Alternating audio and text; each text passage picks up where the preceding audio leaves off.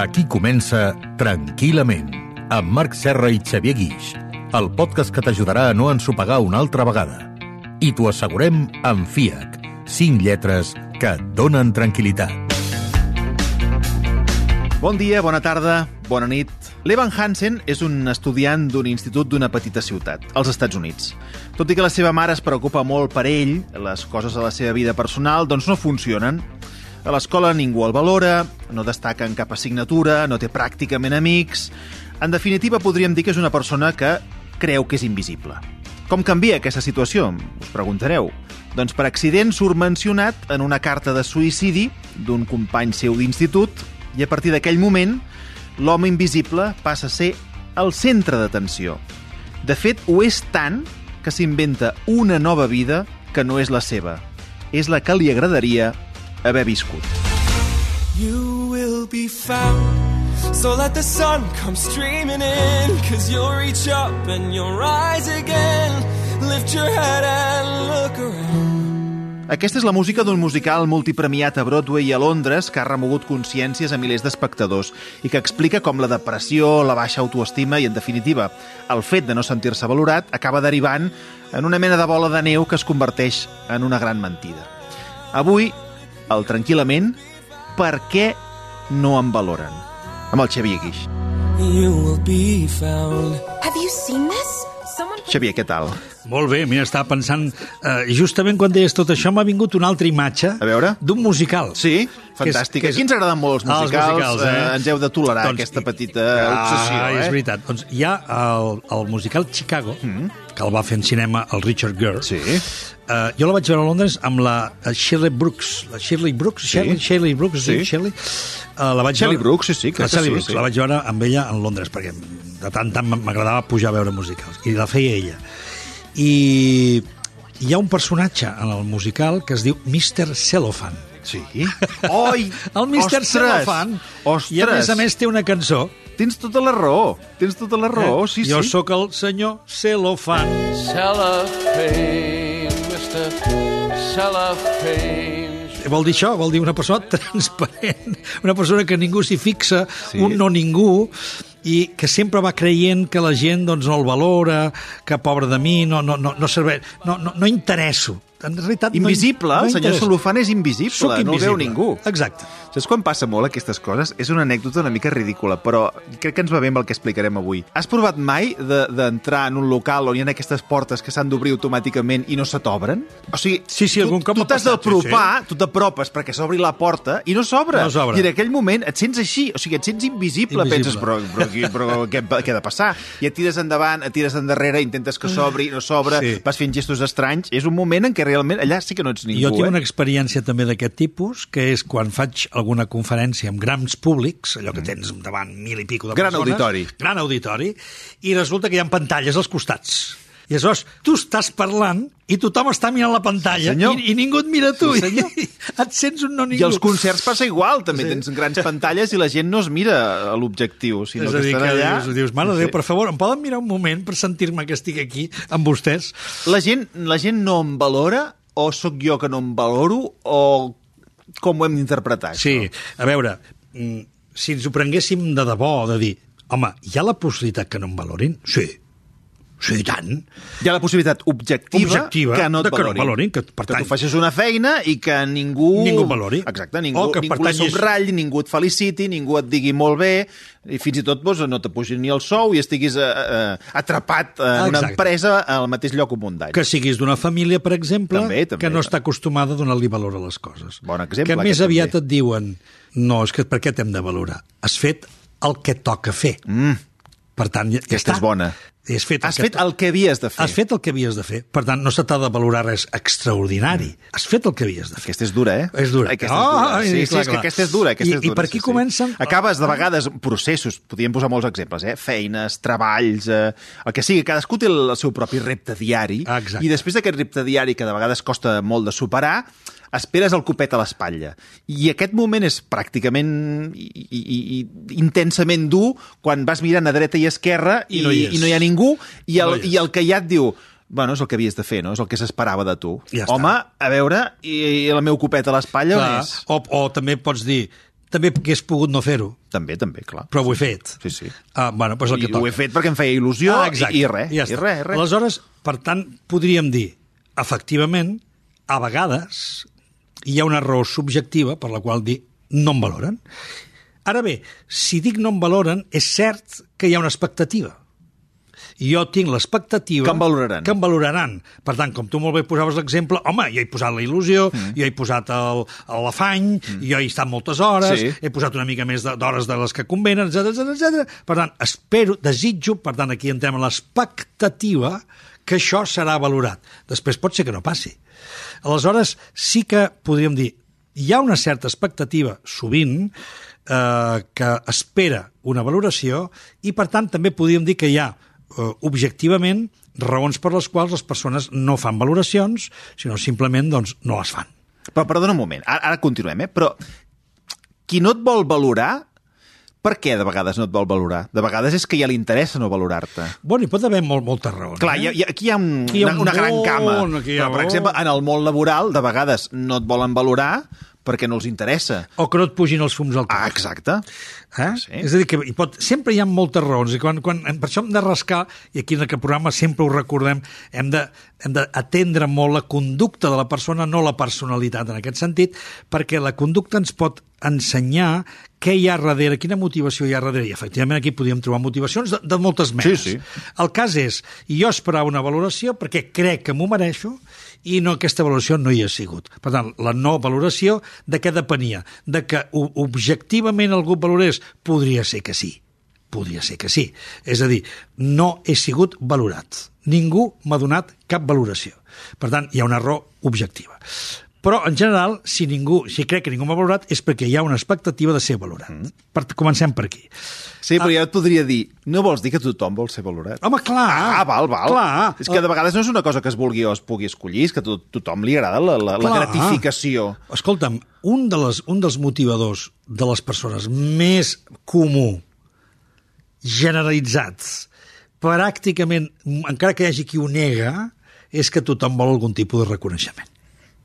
Aquesta és una de les grans veritats eh, universals. algun tipus- Tothom vol ser reconegut. Exacte. Tots I- volem ser I reconeguts. diguem-ne, i podríem afegir, i com més millor. Eh? Però, d'acord, tots esperem algun tipus de reconeixement i una manera de ser reconegut és que em valorin. Una altra manera de ser reconegut, per exemple, és que em toquin. Que hi hagi persones que m'acaricin, que em toquin, que m'abracin, és a dir, que em facin sentir persona o que em facin sentir que, que agrado. És a dir, que hi ha diferents tipus de formes de ser reconegut. Ara bé, aquí estem veient el tema de la valoració. Aleshores, clar, quin hauria de ser el punt de partida per anar bé? El primer que s'ha de valorar sóc jo. Per què? Perquè jo sóc el que té consciència del que m'ha costat les coses, el nivell de mereixement que jo tinc pel que he fet, el, el, el, on he vist que hi ha hagut un esforç i, per tant, una, vull una compensació. Això està ben vist. És a dir, si jo he posat molta feina, he posat molt esforç, moltes hores, i veig que la meva feina objectivament eh, ha sigut bona, Ho valoro. ho valoro. Jo ho valoro. Jo ho, vo- sóc el primer. Jo ho valoro. el primer que sé que m'ho mereixo. Exacte. Potser no tindré el cop a l'esquena o potser sí que el tindré. Exacte. Però m'ho mereixo. I m'és igual. Que o més igual és igual. Bueno, aquí, aquí entraríem... bueno eh, aquí... no sé si m'és igual, però Aquí- en tot cas em valoro. Em valoro, per què? Perquè jo sóc conscient del que he fet, Mm. sóc plenament conscient del que m'ha costat, del que he volgut, del que he treballat, etc etc. Ui, I, per tant, em valoro. que poques vegades és suficient això, eh? Ja estaria bé, ja estaria bé. Que avui diguéssim, mira, escolta, avui eh, aquest podcast, el d'avui, ens ha quedat estupendo, ens ha agradat i tal, ja el tècnic ve aquí, escolta, ho heu fet ta conya... Això és el que esperem. El tu, el tu m'estàs dient és, bueno, tu saps que has fet bé la feina i amb això t'hauries de quedar? No, perquè fixa't que eh, ara quan estem parlant a aquest nivell, estem parlant només a nivell del fer o al nivell del tenir. He tingut un bon treball, he fet una bona feina, he tingut, he fet, he tingut, he fet. Però la valoració real, la bona, la que aquí hi apostem, és per la valoració significativament interior.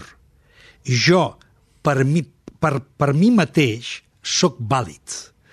Pel fet de ser la vida i ser persona, sóc vàlid. Després una altra cosa és si jo demostro certes valideses. Si jo demostro pues, que domino molt bé pues, parlar en públic, si sóc un bon presentador, si sóc un bon jugador, si faig molt bé els pastissos, etc etc. Però això ja és dominis.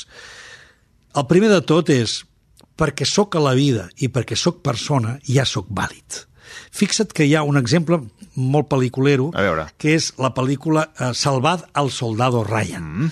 Ara farem un spoiler. A veure, endavant, home. Això acaba fatal, Sí. mor a tot el pelotón que van a buscar el soldado Ryan i només queda al final de tot el comandante, que és el que dirigeix el pelotón, per anar a buscar i salvar el soldado Ryan, que al final el salven. I quan estan creuant el pont, que ja està mig salvat, Ai, sí. una bala es carrega el Tom Hanks, que és el que fa del comandante.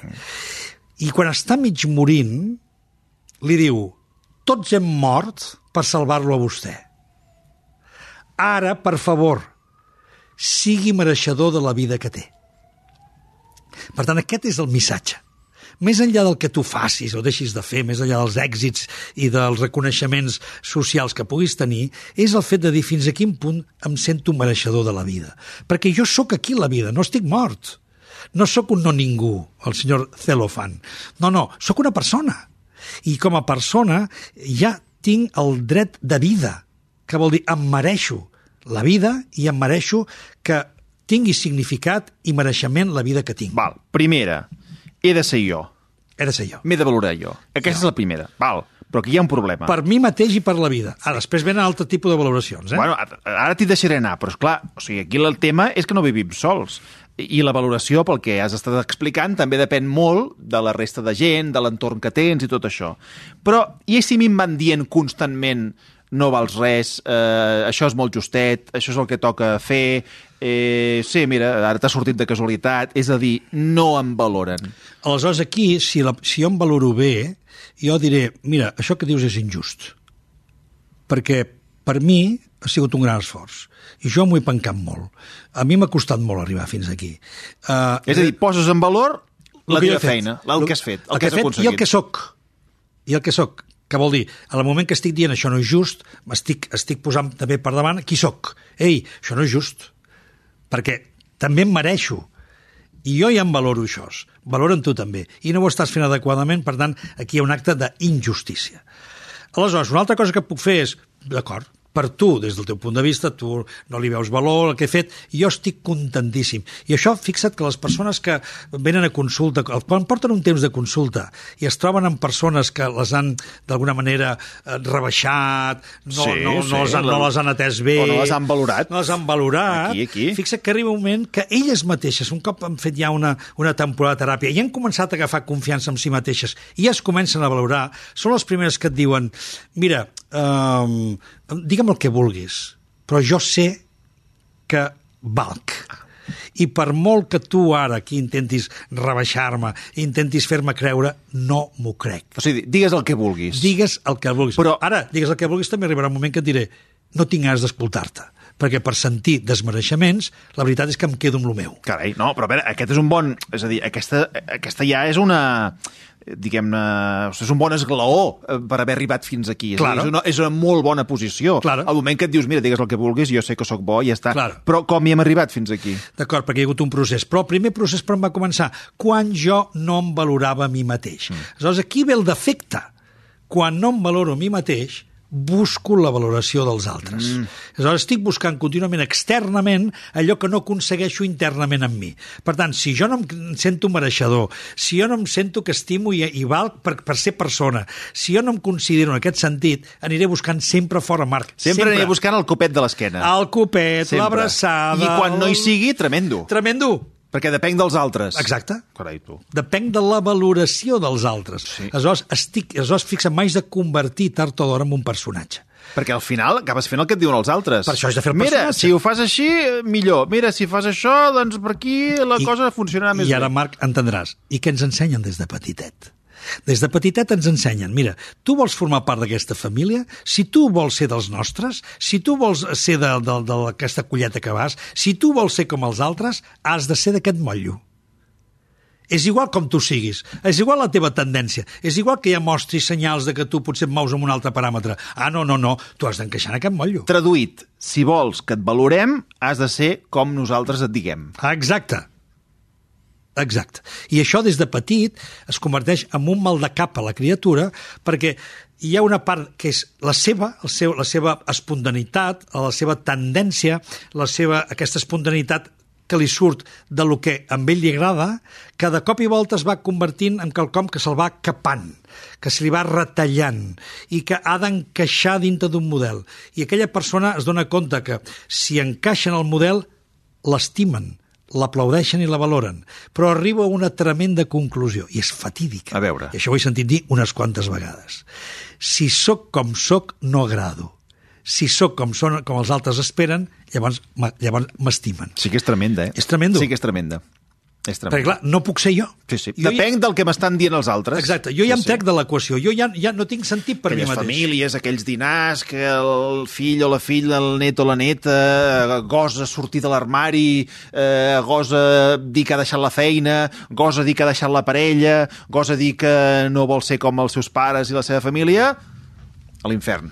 L'infern. Sense herència. És a dir, no Sense puc ser dinar. jo. Però imagina la, ide la idea de no puc ser sense jo. el capó de Nadal. Aleshores, si no puc ser jo, per tant, la meva singularitat, la meva tendència, el que a mi em, em, crec que, que he vingut a fer la vida, si no puc ser jo, aleshores ja m'haig de convertir en un altre que no sóc jo. I aquest altre que no sóc jo li diem un personatge.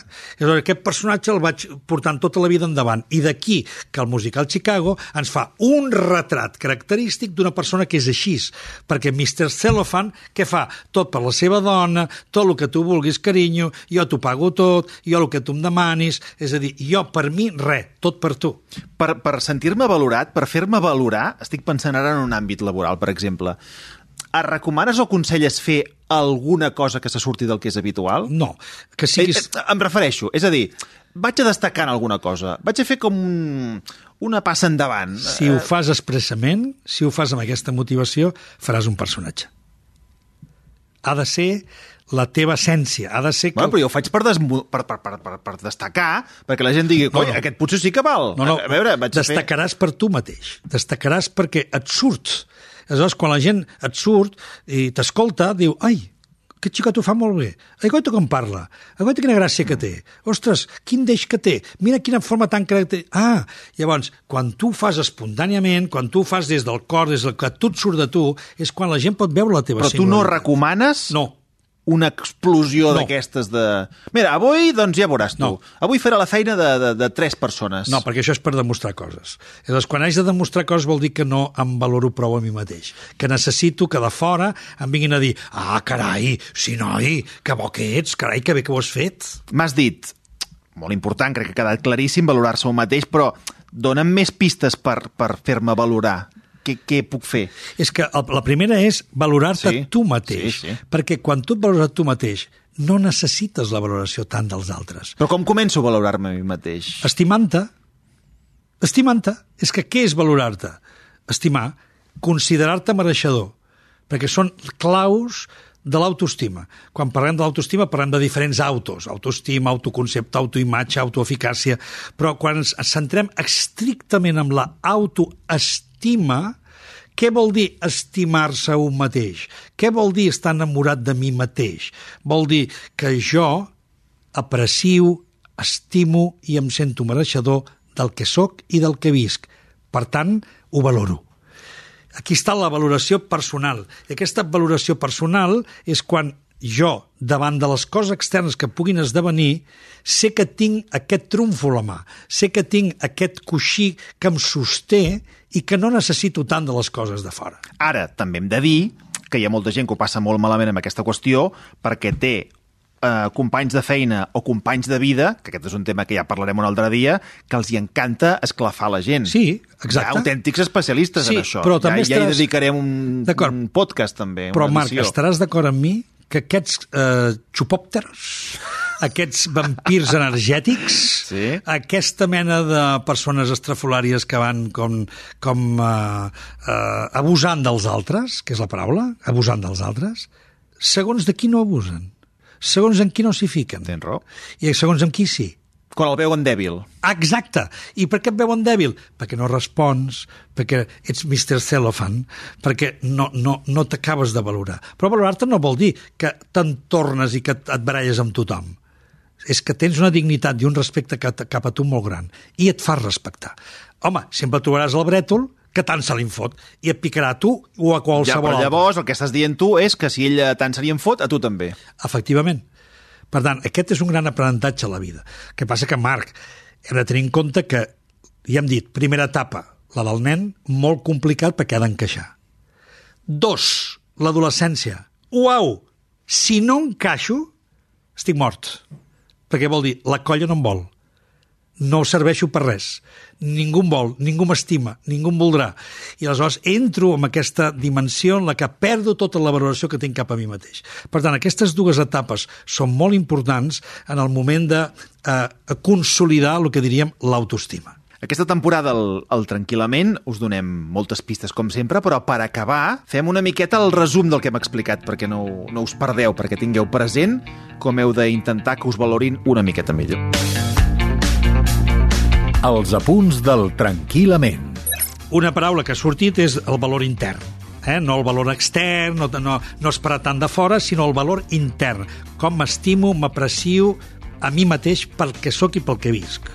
Una altra que també és molt important és valorar-se no per necessitat, no perquè els altres em valorin, sinó sempre per al mateix, per mi mateix, per allò que faig. I tenir en compte que el valor, la valoració, és una de les claus fonamentals de l'autoestima. Per tant, valora't per ser valorat.